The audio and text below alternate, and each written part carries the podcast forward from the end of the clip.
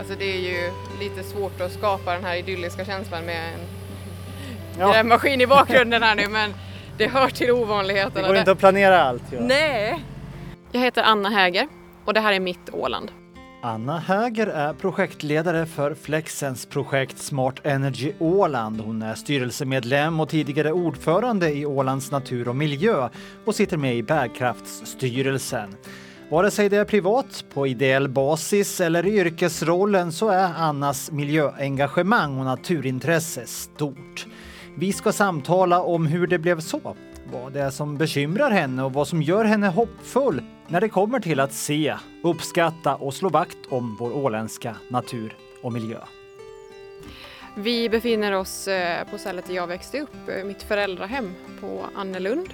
Och eh, här har jag vuxit upp med min bror och mina föräldrar. Eh, och de flyttade hit eh, 86 och själv är jag född 89. Så att jag har vuxit upp, ja hela mitt liv har jag känt till den här gården och den här atmosfären och omgivningen som finns här. Och de bor mitt ute på landet. Vi har inte särskilt många grannar.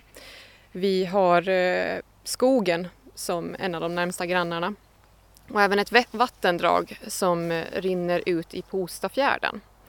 Så att eh, det finns många element av naturen och miljön som har omgett mig och hela min uppväxt. Och jag inser ju det att hur otroligt privilegierad jag har varit med att ha få möjligheten att få växa upp i en sån här miljö Mm. och att ha friheten och säkerheten att kunna röra mig just i natur och miljö på ett enkelt och lekfullt sätt. Och Mm det finns absolut barn idag som inte kan göra det på samma sätt.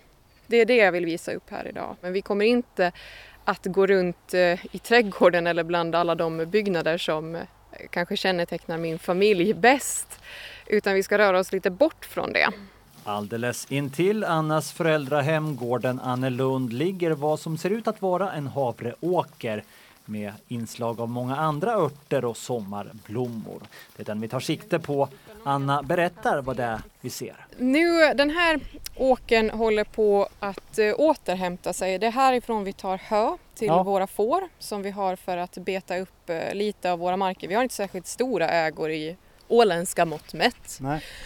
Men eh, den här åken är nu i vila och då har vi satt ut skyddsgröda i form av havre. Så, eh, sen även sått in en del eh, blommor som ska hjälpa till att eh, kvävefixera men även se till att eh, bin och humlor som du kan se att snurra runt på här, att Mm. de får lite att äta på. Så det här bidrar till biologisk mångfald och eh, binder även kol och eh, näringsämnen till jorden. Så att eh, yes, och där borta kan man se att fåren tittar upp. De håller på att få Ja, beta ner lite grann av det här.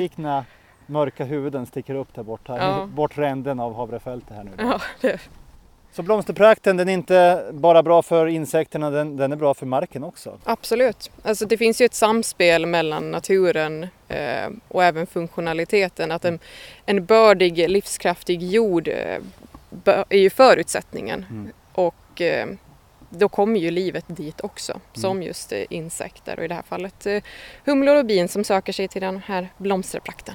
Jaha, ska vi börja vandra? För jag har på känn att du skulle visa upp något litet område här på andra sidan åkern. Ja, och just nu så ser det ju inte riktigt ut som det gör stora delar av året när jag har varit där. Eh, För just nu är det ju mitt i den här grönskande säsongen Mm.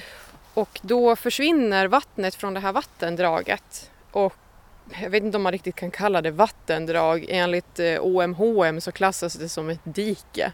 Mm. Så vi ska bege oss till Ålands största dike. Jag ser att någon har gått här förut. Så vi följer väl spåren här. Det tycker jag är ett så häftigt fenomen att man kan se ex exakt liksom var eh, jordens olika kvaliteter är. Mm. Att här har vi mera sandjord och det ser man också för att de här växterna har blivit mycket mera De är uppe i knähöjd bara Ja. och det är glesare mellan dem på något sätt. yes. Så det finns inte lika mycket eh, bärande vattenkapacitet här så att vattnet rinner snabbare undan än vad det gjorde när vi började för där har vi mera liksom lerblandad eh, sandjord. Det är mer liksom, det är bördigare, det kan hålla vatten Mm. mycket längre. Men att det här är bra förutsättningar liksom, om man vill odla någonting som kanske inte vill ha det allt för blött om rötterna. Mm. Så, sånt här har jag fått lära mig från min mamma via hennes trädgårdsintresse. Men det blir så påtagligt också när man ser det ute i naturen. Och nu visserligen, det här är ju konstgjort det här havrefältet, men det är ändå att man kan se sådana skiftningar i jordmånen tycker jag.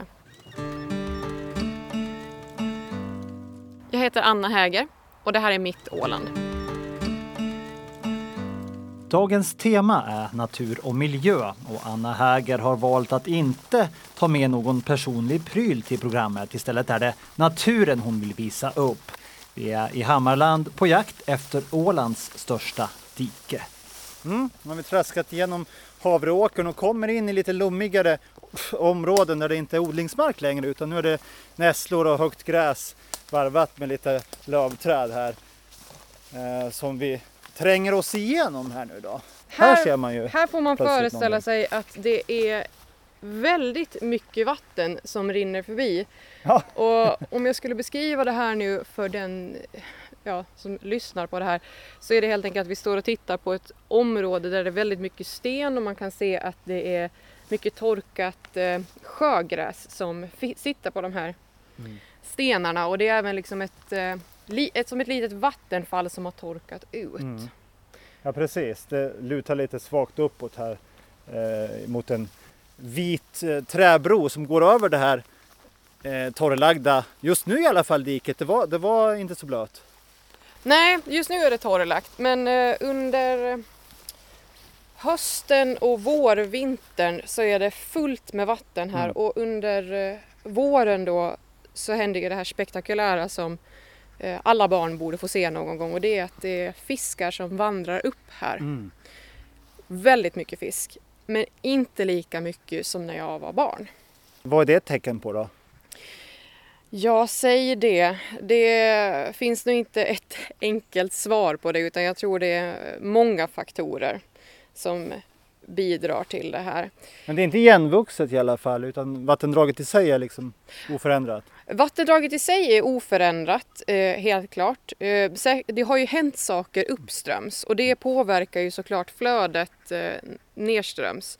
Så till exempel om det är urdikat, om det är upp, liksom att man har grävt dammar eller liknande, att man stannar upp eller påskyndar vattenflödet så att allting blir ju liksom påverkat. Ehm, vatten naturligt vill inte rinna en rak väg. Det finns nog inte en flod i världen som är helt spikrak utan vatten vill ta en kringelig krokväg och det är också en förutsättning just för att man inte ska skölja bort eh, jord och jordmassor så att det eroderar helt enkelt och att det försvinner. Men att det är ju himla behändigt ur ett eh, odlingssynpunkt och att man har raka led. Räta linjer, det är människans konstruktion Yes. där i naturen. Yes, det finns inte raka linjer i naturen. Inte någonstans. Eh, här, människor gillar raka linjer, Mm. det gör inte naturen. Och de här raka linjerna gör ju att vatten kan forsa betydligt snabbare. Och det är ju praktiskt när man vill ha bort vatten. Vill du stanna upp vatten så ska du ha kringelikrokigt. Och med de här kringelikrokarna så bidrar det ju också till att näringsämnen hinner tas upp av växtligheten. Så att eh, när du har avrinningsområden då från till exempel eh, jordbruksmarker och liknande, då är det ju bra om vattnet liksom lite kan stanna upp så att växterna runt omkring hinner ta upp det som kanske har spolats av från eh, jordbruksmarker och liknande. Så, men den här, det här vattendraget har ju i sig en ganska liksom intressant historia. Människor har ju levt runt omkring det här och eh, det har funnits kvarnar som har drivits av de här vattenmängderna. Så det är, pass, det är liksom starka vattenkrafter här. Eh, Vi kan gå till ett annat ska ställe. vi göra det? eh, där, vi, på oss lite. ja, där det faktiskt syns eh, lite vatten Mm. som är kvar. Och eh, det är även här jag och min man har valt att bosätta oss. Okej. Så det är både liksom dina barndomsmarker det här och, och din plats på Åland nu då? Ja, det blev så. Ja, du har ju hittat din plats på Åland här nu då igen efter att ha varit borta en tid. När, när kom du, alltså hur stor del av ditt liv har du bott på Åland? Eh, majoriteten av mitt vuxna liv har jag varit borta från Åland. Så eh, jag flyttade härifrån när jag var 1920 eller liknande Mm. och kom tillbaka heltid för drygt ja, men ett halvår sedan. Så runda slängar tio år har jag varit borta. Mm. Till och från. Sen har jag ju jobbat, sommarjobbat och projektjobbat och liknande här på Åland men ja, där fint. Eh, Varför flyttade du tillbaka då?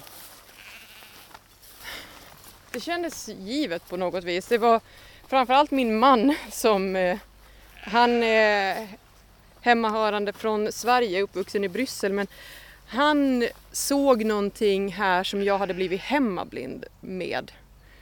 Men som jag nu uppskattar på ett helt annat sätt just för att jag ser det med nya ögon genom honom. Och det är just närheten till eh, naturen och miljön, hur klyschigt det nu låter. Men även också att eh, Åland är ett väldigt tryggt samhälle där man har rum att påverka och att man, man är en del av samhället, man är inte någon som är anonym. Och det kanske stressar vissa människor men man är en del av en samhörighet. Jag ser det med andra ögon, helt klart. När man eh, växer upp här som barn och som tonåring så ser man ju på ett helt annat sätt. Sen när man kommer tillbaka med liksom, det vuxna perspektivet så ser man ju att eh, det finns osämja här som sker på sån, alltså, sån småaktig nivå. Att, eh, visst, det finns en skönhet med småskaliga samhällen men det är också att man lätt tappar fokus från vad är det faktiskt som spelar roll? Vad är det som är viktigt här? Att det blir ett väldigt stort jag och mitt fokus, vilket i sig kan vara positivt om energin riktas åt rätt håll. Men eh, ibland blir det att fokus eh, kanske skiftar till att man, man tittar så smalt och på allt för nära håll att man inte kan se vad det är för inverkan man har i det stora hela. Nu vill inte jag liksom generalisera och ge exempel utan här får ju folk liksom själva känna in sig. Det här är ju en grov skiss över hur jag uppfattar Åland idag. Och jag tror att småskaligheten är Ålands absoluta styrka men det är också vår största akilleshäl. Vi tänker väldigt lokalt och vi agerar väldigt lokalt. Men vi borde resonera mera globalt och agera lokalt. Vad spelar Åland för roll liksom, i det stora hela? För vi är ändå en del av ett mycket större system. Och vi är en del, ett litet samhälle av ett stort samhälle som är hela mänskligheten. Och jag tror att det där, när folk tappar kontakten med vad mänskligheten faktiskt är, då är vi illa ute. Och jag tror att just den här förankringen till eh, lokala frågor är viktigt. Men att när vi börjar fokusera på så här småaktigheter och tappar målbilden och den liksom långa milstolpen då tror jag många uppfattar det att de blir olyckliga och känner sig omotiverade, kan inte se vart de är på väg och eh, att man helt enkelt känner att man är villrådig och inte hittar sin plats i samhället. Och det är sorgligt för det finns så mycket en enda person kan göra skillnad i och det behöver ju inte vara liksom storartade grejer som förändrar världen på det sättet men ändå liksom att hur kan jag göra min närmiljö bättre för min liksom nästa och min frände. Jag heter Anna Häger och det här är mitt Åland. Ja, men nu då Anna så ska du få visa oss eh, en annan del av det här diket då, bäcken Ja. eller vad det nu är. Och på det här stället så är det vatten Ja. än så länge. Så här stannar det upp lite grann men här är det även berg så att eh, det Ja, det är ju berg hela vägen visserligen men här är det lite större område Mm. helt enkelt. Ja men precis, Ja, här där, är det. ja, där är också en härlig kvarlämna från min bror när han eh, skulle ta bort ett träd och de som har varit här så vet vad det är man ser men jag tänker inte nämna det på radion här. Okej. Nej, så det är det vi mäter liksom vattenståndet med helt Ja enkelt. just det, ja. en slags fallossymbol. Ja, så är det härliga som bara storebröder kan vara när de ska skämta till det med lilla syster. Ja.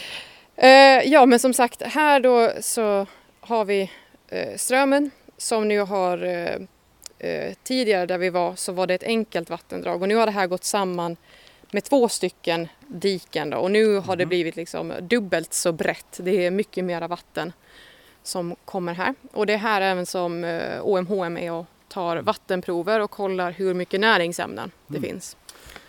Eh, Om vi ska beskriva det då, det är fortsatt sten i botten, lite sand där va. Eh, och eh, det är väldigt lummigt runt omkring lövträd som hänger över fåran här nu då. Det, det är lite djungelkänsla när man blickar in där. Ja, jag, tycker Lite det, mörkt och mystiskt. jag tycker det påminner om någonting ur en så här Astrid Lindgren saga. Lite så här Mio min Mio känsla. Mm. Att, eh, det är svårt att hitta den här typen av, av scener åtminstone på Åland Mm. med vatten. Det är endast lite sus i lövkronorna här nu då. Det är en väldigt stillsam plats det här. Lite Mio min Mio känsla sa du. Och just nu ser man ju liksom också att vattnet är väldigt rent, att det är klart. Väldigt klart vatten. Ja, Man ser minsta sandkorn här på botten. ja, och det är just för liksom att den här grönskan nu som står i full, liksom, full grönskande prakt. Det är för att de har möjligheten att ta upp näringsämnen och det här är ju regnvatten som vi ser. Det var ju mycket mer sjögräs på den delen där det var torrläkt. Ja precis och det är ju någonting som man ser först för det är ett sjögräs som har specialiserat sig när det är eh, vatten i rörelse. Just det. det, det ser man lite grann här. Eh, Väldigt liten rörelse Ja, men den finns. Den finns ja. Så att den är ju väldigt härdig på det. Den klarar eh, uttorkning. För sen på våren så kommer den här komma tillbaka. Här bakom dig så har du en hel grön matta men nu är den lite, lite vissen. En härlig plats. Otroligt härlig. För ni har byggt hus här precis intill bäcken. Det är bara Ja. några meter från där vi står ska vi säga. Jo. Som det håller på att hända väldigt mycket grejer. Det är Ja. inte färdigt. Nej, nej, alltså det här är ju ett eh, projekt som vi håller på med. I november så stod huset eh, upprest åtminstone och sen då så har vi hållit på och byggt invändigt så leverantören gjorde det vind och vattentätt och vi gör invändigt här. Det här är verkligen ditt Åland. Ja, det här är ju verkligen att här har jag satt mina bopålar. Att jag, jag bor på den platsen ett stenkast från som har påverkat mig mest och format mig och min barndom. Eh, Jag har inte tänkt på det tidigare faktiskt men nu blev det så. Det var annars bara väldigt lägligt att den här tomten fanns eh, till salu eh, från grannen och att eh, vi hade möjlighet att köpa den. Så att det får jag ju vara glad över att jag hade min hembygdsrätt kvar och att kunna göra. Och det är en förutsättning just för att eh, man ska få folk att flytta tillbaka efter sina studier. Att man har möjligheten att köpa eh, tomt och slå ner bopålarna. Att det inte bara är direkt tillbaka till en lägenhet i, i ett tätt område. Så att det här är ju fantastiskt att få möjlighet att bygga hus. Anna Häger, du är gäst i Mitt Åland idag där temat är natur och miljö. Jag tänkte att vi skulle prata lite om det, just ditt naturintresse, eh, hur det egentligen föddes nu när du kan se lite tillbaka på, på det hela. Är, det liksom, är du präglad av en uppväxt här eller har det kommit i, in andra intryck och impulser längs livets resa här som gjort att du vurmar så mycket för natur? Jag skulle ju ljuga om jag sa att min barndom inte har präglat mig. Att det finns långt eh, bak i, i tiden liksom präglat, ha- har präglat hela min släkt att eh, leva under naturen och eh, miljöns makter. Att de har bott eh, eh, ute i yttersta skärgården, de har eh, hankat sig fram liksom där det, när man idag besöker de här platserna, att hur kunde människor leva här ute? Men att just med säsongsvariationer och liknande. Men att det finns också en, en mutualism, en respekt med de här generationerna att leva i samklang med naturen. Och jag tror vi idag har tappat den kontakten. Det är liksom någonting som har gått förlorat i den generation som, som jag lever i nu. Att visst, mina föräldrar och i synnerhet min mamma lever ju i väldigt stor samklang med naturen och hur hon förlitar sig på liksom att eh, växtprocesserna ska fungera och så. Så det är klart att det har format mig men samtidigt blir det också att när man lyfter upp det från ett mikroperspektiv där man bara tittar på trädgården och tittar på det stora hela så kan jag, jag se liksom bara på de tre decennier jag har funnits här att saker och ting har förändrats och det är inte till det bättre. Vad är det som gör dig mest nedslagen här nu då? Att det är en fråga som delar oss. Att eh, det är en fråga som delar oss rent eh, kunskapsmässigt men även vår respekt och förståelse för hur andra upplever det. Att, eh, det gör mig väldigt nedslagen att vi är, så, vi är så segregerade i en åsikt som borde förena oss. Men hur väcktes ditt miljöintresse då, insikten om att, att vi, om att du faktiskt kan vara med och påverka och göra aktiva val? Det här med att vara en person som kan agera, det har alltid funnits med mig. Att, och det får jag nog tacka min morfar för, för han är en person som har tänkt liksom hur, hur kan han påverka? Att han har gjort väldigt mycket för det åländska samhället och han har liksom inte backat undan eh, även när han har mött motstånd. Visst, han har säkerligen haft fel i vissa frågor och det är mänskligt att fela. Men, Vem är din morfar? Eh, min morfar är Bengt Häger. Han satt i lagtinget, eh, han var kansliminister ett tag till och med. Han är ändå en person som har absolut färgat mig att tro på sig själv och att eh, stå upp i frågor som eh, berör en och som man känner ett driv och passionerat för. Att en enskild individ kan åstadkomma mycket och jag tror det är även någonting som kanske världen idag saknar mer och mer är aktivt eh, och modigt ledarskap. Att, men även inspirerande. Framförallt inspirerande och att människor kan hitta andra att identifiera sig med.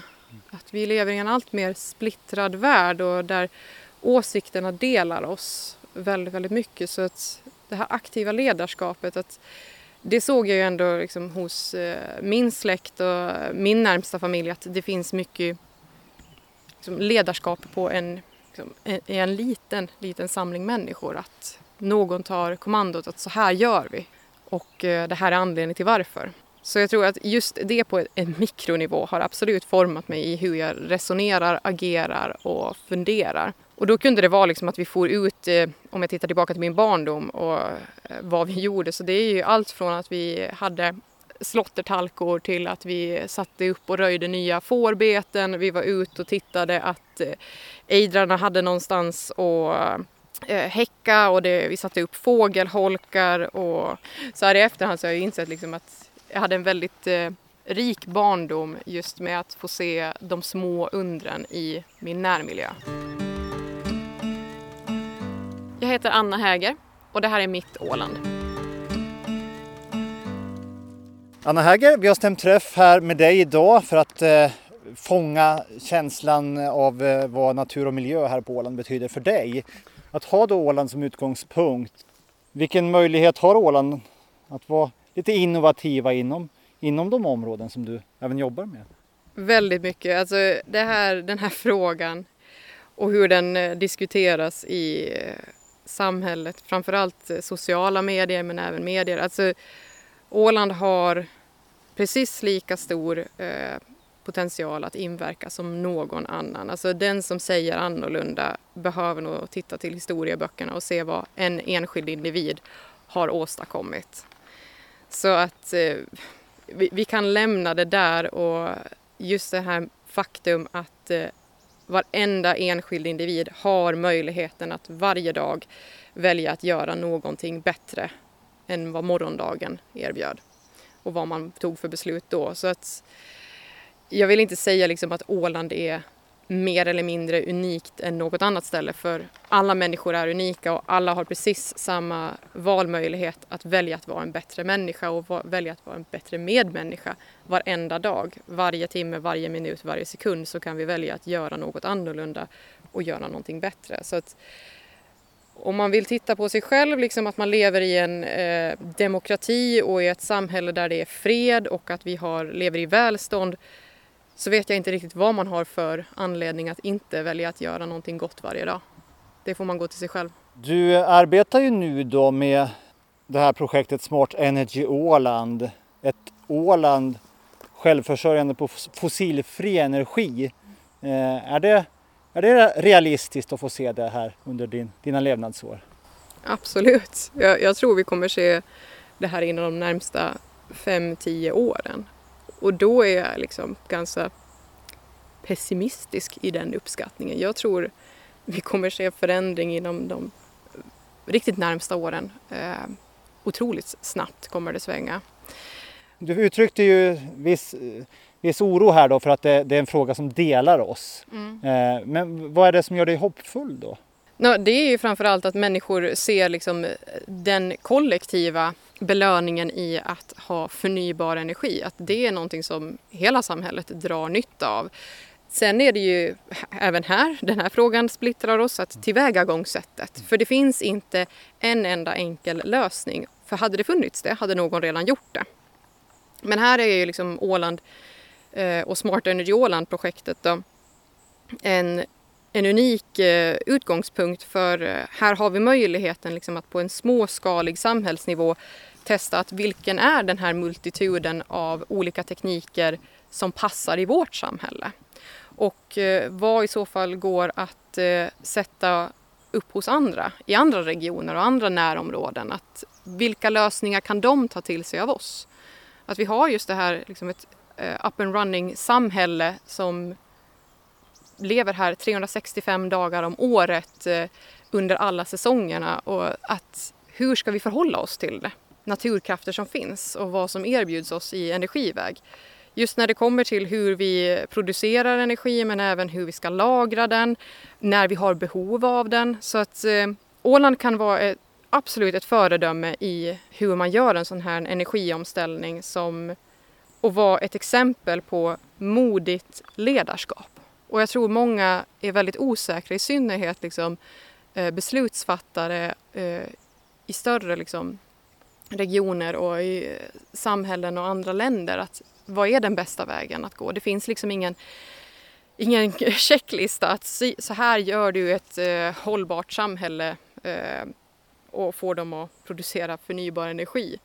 Den finns inte, men Åland kan definitivt vara med och ta fram skissen och ramverket på ett sådant. Och det tycker jag att vi ska, nu när vi har den möjligheten, att vi axlar det ansvaret, att nu är det vi som tar på oss ledarrollen. Visst, vi är kanske en liten aktör som många vill hävda, men någon måste ju ta den rollen, så varför inte Åland? Vad säger du om eh, ålänningarnas engagemang då när det kommer till den egna närmiljön? Du sa här tidigare att det, det finns en tendens av att man fastnar kanske i detaljer och petitesser här och, och tappar ibland det globala tänket samtidigt som man värnar om det lokala här då. Men, men, men bryr sig ålänningarna tillräckligt mycket om ja, det vi kanske tar för givet, vår, vår, vår natur och hur den mår, Östersjön? Eller finns engagemanget hos alla här? Den finns till varierande grad. Jag tänker inte liksom sätta någon eh, sockerströssel på det. Den finns till varierande grad. Men det är ju också att vad har präglat den och format den i dessa tankar och mm. funderingar och värderingar. Men jag tror att alla, det är där det är så viktigt just med eh, förebilder och engagemang men även ledarskap. Alltså det är någonting jag kommer återkomma många, många gånger till. Ledarskap är så viktigt att just kunna visa vägen till att varför är den här frågan även viktig för dig och varför är den viktig för mig, varför är den viktig för oss? Och då är det inte långt för ålänningarna att eh, fatta liksom eh, facklan och börja engagera sig, verkligen. Att, eh, jag tror här är någonting som särpräglar ålänningarna, att det, de lever så pass nära naturen att steget till att engagera sig i eh, miljöfrågor och naturfrågor ligger väldigt, väldigt nära till hands för man lever mitt i naturen. Har vi någonting att tacka för att vi är öbor, lever, lever i ett ösamhälle? Har du några tankar kring det? Ja, alltså det, det är någonting jag har tittat på under mina studier i, i hållbar utveckling eh, när jag studerade i Linköping. Och det är faktiskt att det finns studier som visar på att öbor har lättare att knyta an till, till naturen och att engagera sig i den typen av frågor. Just för att de, de lever vad ska man säga, på nåder. De, de kommer från generationer som har levt på nåder av vad naturen och eh, eh, de olika säsongerna har kunnat bjuda dem. Att det har hämmat dem Men det har även gett dem möjlighet att stundvis leva i överflöd. Att, eh, att man lever under vädrets och miljöns och naturens makter. Att jag tror öbor har lättare att känna av det på ett annat sätt än om man är liksom boende på fastlandet. Och jag tror skärgårdsbor absolut kan skriva under på det här och det är någonting jag har mött även under de projekt som jag har jobbat med runt omkring på Åland. Att skärgårdsbor är som en koncentrerad version av eh, ålänningar. De, eh, de lever verkligen eh, mycket mera i samklang med naturen och miljön för de vet att det kan finnas dagar när eh, de inte är ihopkopplade med fasta Åland eller Finland och då ska man kunna klara sig själva. De behöver ha ett fungerande samhällssystem och ett, eh, en infrastruktur och ett eh, samhällsekosystem som funkar för dem för att de ska klara sig. Jag heter Anna Häger och det här är Mitt Åland. Temat för Mitt Åland denna dag är natur och miljö eh, och vi står här i ditt Åland i Hammarland på en sommaräng. En blomsterprakt just nu. Det är insekter som surrar runt omkring oss här och fåglarna kvittrar i träden runt omkring. Eh, men det här är en plats som har sin charm alla årstider. Absolut, det, det, finns inte fula årstider. Att de har alla sin charm. Det är tid för eh, vad ska man säga, livlighet och lek under sommaren och tid för eftertanke och vila under hösten och sen vintern och sen det nya spirande på, med potential under våren. Så jag skulle inte vilja leva i ett område där man inte har eh, säsonger på samma sätt som man har här årstider. Det är fantastiskt att se. Eh, är det här ett välmående område då? Du har sett tendenser här att det har minskat med fisk i bäcken i diket här intill. Mm. Är det samma eh, potpurri av insekter och fjärilar som det var när du var barn? Nu tittar jag med lite andra ögon efter att jag studerade till biolog. Så att eh, jag tittar ju på det med en med en vuxens nyfikenhet. Att ingenting kommer någonsin kunna liksom ta bort den här liksom, att hur jag tittade med ett barns nyfikenhet. Jag såg ju helt andra grejer då. Att liksom, mm. Jag, jag nådde ju knappt över liksom, den här ängsgrönskan då. Men eh, i stora delar så tycker jag nog det här är ett välmående område. Men det är också för att det här har fått vara i fred. Det är ju först nu det störs nu när jag kommer hit och ska envisas med att bygga hus mitt i det. Mm. Men jag hoppas på att kunna leva någorlunda i samklang med det och inte inverka för stort på det. På många olika håll har vi ju sett exempel på här hur utsläpp minskat kraftigt under lockdowns av stora städer här eh, under den här pandemin. Flygresandet har ju minskat drastiskt och över exploaterade turistmål har fått en välbehövlig andningspaus och en chans att återhämta sig här. Men vi har ju långt ifrån sett slutet på detta och vad kommer det att innebära? Hur eh, vi prioriterar klimatmål och miljöarbete i jakt på den tid och de pengar som har gått förlorade här nu då, de här månaderna. Kommer den här pandemin göra gott eller ont för vår natur och miljö? Vad tror du? Oj, det där är en enormt komplex fråga. Var ska man börja utreda det? Um, är det vi, återigen ledarskap som blir avgörande? Här? Delvis det, hur man hanterar eh, kriser. Och klimatkrisen eh, saknar det ledarskap som, som behövs, det modiga ledarskap. Många ställer sig i frontlinjen och säger att de axlar ansvaret för att kommande generationer inte ska behöva bära den tyngden men att vi ser ännu inte de åtgärder som krävs.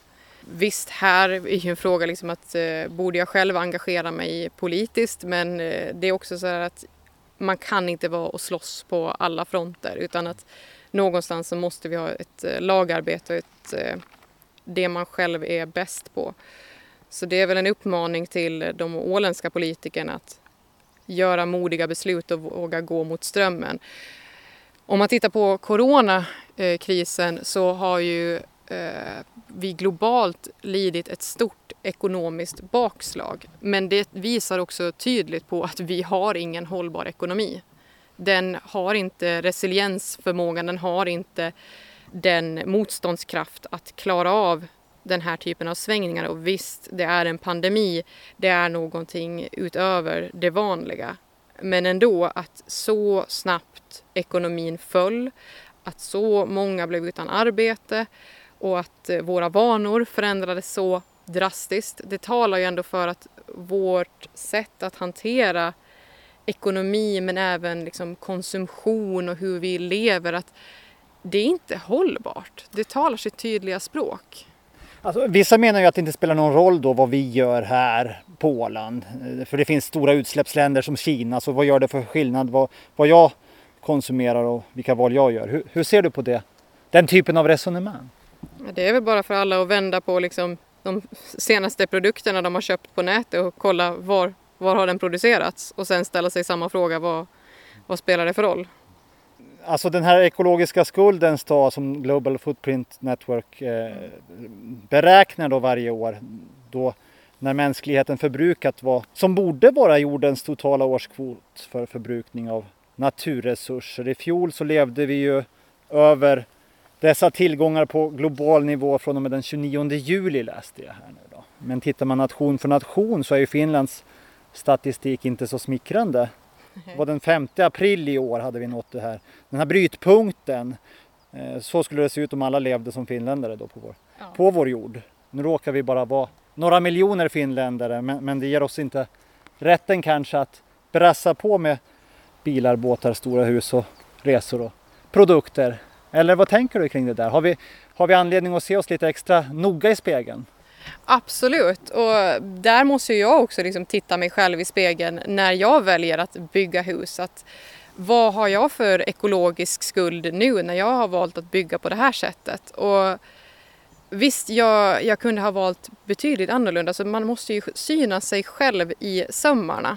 Eh, men även liksom att vad, vad är det jag ger tillbaka och det är inte något sätt liksom jag försöker rättfärdiga att eh, jag skulle vara skuldfri. Jag bär absolut mitt eh, ansvar till att den här, det här fotavtrycket uppstår.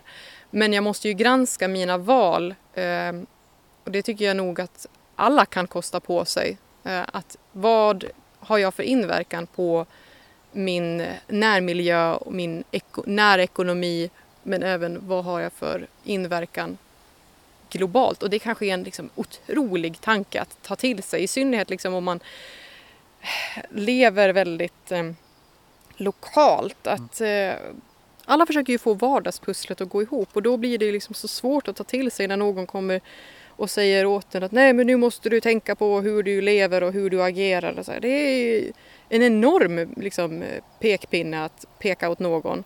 Och det kanske jag gör i det här tillfället. Liksom. Men att jag tror vi alla har råd att granska oss själva, liksom, syna oss i sömmarna. Att, behöver jag verkligen det här? Är det någonting jag kan undvara? Finns det något annat sätt jag kan eh, tillskansa mig det här som jag verkligen känner att jag behöver just nu? Kommer jag behöva det om tre månader och är jag redo att ta ansvar för när den här tjänsten, produkten har eh, uppfyllt sitt syfte. Att eh, den, går den att återföra till ett hållbart system. Så jag tror vi kan börja där och komma ganska långt, gemene man åtminstone. Att hur tar jag ansvar för hur jag konsumerar? Att det är liksom inget... Det är en ändlig eh, planet vi lever i så som vi förbrukar våra produkter och varor och tjänster. Och det funkar liksom inte. Att det kommer ta slut och den, den väggen kommer att slå hårt. Och då kommer vi gärna vilja peka på att det var andras fel och i synnerhet liksom den här återkommande, ja men det är Kina som har gjort så här. Ja men det är väl ganska självklart att kineserna vill ha samma typ av livsstandard som vi har här i, liksom i, i väst. Att eh, vad är man själv redo att ge upp? Att skulle vi kunna tänka oss att gå till den slags eh, vardag och det konsumtionsmönster och de boendestandarder som de har idag. Är det det som krävs då eller? Har vi en levnadsstandard här i Norden som, som i snart generationer som gör att det är svårt att backa? Det är ju inte allt för länge sedan som vi faktiskt levde inom planetära gränser. Och jag säger inte att vi ska gå tillbaka liksom till en tid där vi bara liksom, att vi producerade allting själva på gården och att man tog tillvara liksom att alla ska börja hushålla sig med djur. Det är inte det. Men Jag tror vi behöver titta på historien. att Vad krävdes det för att vi skulle vara lyckliga? Och då kan vi gå till idag och titta jämföra att är vi lyckligare idag än vad vi var förut? Har konsumtion och liv i överflöd gjort oss så lyckliga och så framgångsrika som vi trodde? Och enligt de mätningar som görs kring eh, den allmänna psykiska hälsan så är ju svaret nej. Konsumtion gör oss inte lyckliga, utan tvärtom. Anna Häger, det var jättekul att ha dig med i programmet. Tack så mycket, tack för att jag fick, eh, fick den här möjligheten att berätta om mina tankar och funderingar.